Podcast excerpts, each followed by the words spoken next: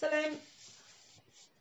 فيديو جديدة وموضوع جديد. اليوم باش نحكي على اختبار آه، منتشر بكثرة في المؤسسات وفي الشركات ومعروف باسم مقياس إغمان. قبل ما نبدأ نحكي في موضوع آه، الليلة فضلا وليس امرا اشترك في قناتي لأنه للأسف الشديد 85% من الناس اللي تتبع فيديوهاتي ما هيش مشتركة في القناة وهذا يضر القناة. ندخلوا directement في الموضوع مقياس هيرمان. مقياس هيرمان للتفكير.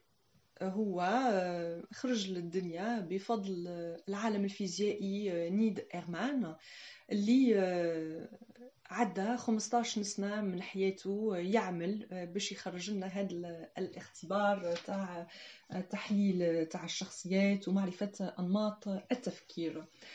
خرج للضوء هذا الاختبار أو هذا المقياس خرج عام 1978 قولوا لي في التعليقات إذا كاين منكم اللي خالقين في 78 أه نعرفوا هذا المقياس أه باسم HBDI نترجم حرفيا.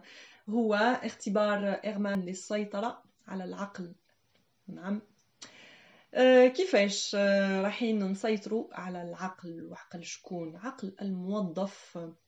اللي يعمل في هذه المؤسسة والشركة اللي تستعمل هذا الاختبار. أه هذا الاختبار رايح يساعد المسؤولين ويساعد الناس اللي يعملوا في les ressources humaines précisément وفي ال recrutement مرات قبل حتى ما نقبلوا الموظف هذاك في مكان أو في منصب الشغل هذاك نفوتوا له هذا الاختبار. وهذا بهدف فهم تفكير الموظف. واللي يقول فهم تفكير الموظف رايحين تاني يفهموا سلوكياته. وكيف تفهم تفكيره وتفهم سلوكياته بيناتنا رايح تفهم طاقة تحمله مي هذا ما رايحينش يقولوهم لكم هما. أنا نقوله لكم. وكيفاش رايحين؟ علاش نحوسوا على نفهموا نمط تفكيره وسلوكياته؟ بهدف تحفيزه وكيف نقولوا نحفزوا موظف؟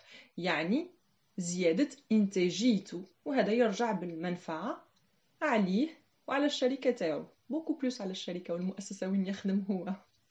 كيفاش؟ نعرفوا نمط التفكير و...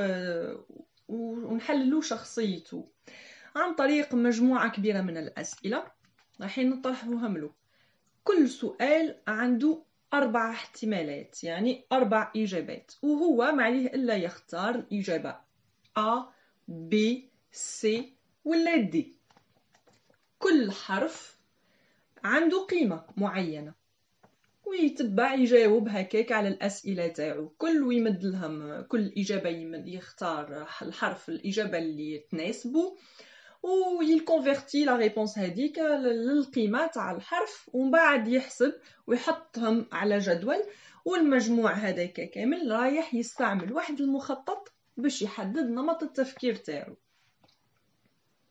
كاين أربع أنماط للتفكير أو للشخصيات. نبداو باللي تحصلوا على نسبة كبيرة من الإجابات ألف.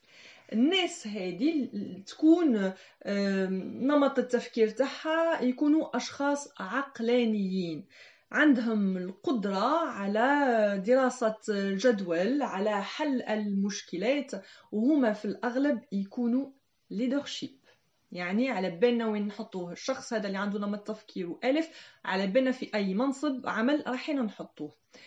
ننتقلوا للنمط الثاني اللي هو التفكير نمط التفكير ب واللي نقولوا عليهم المنفذون.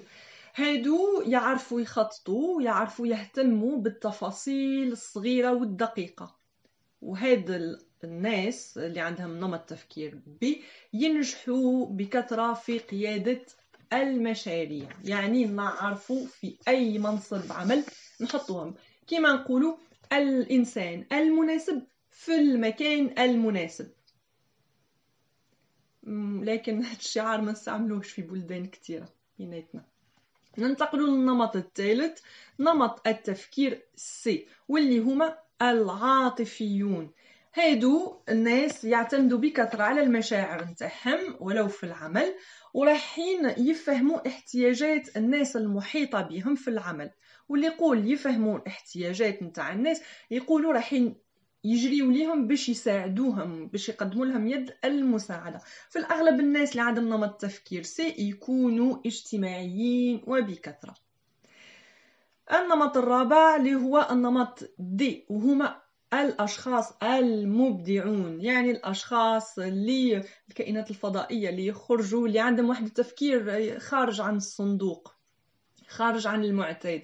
وهيدو يحتاجوهم وبكثرة في المؤسسات وفي الشركات لأنهم رايحين يكسروا الروتين اللي كاين في الشركة ورايحين ديما تكون عندهم طاقة الإبداع وتكون عندهم طاقة التغيير وطاقة التطوير.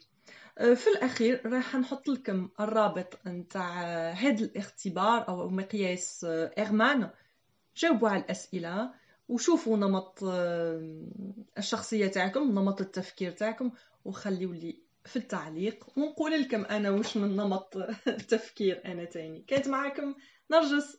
سلام.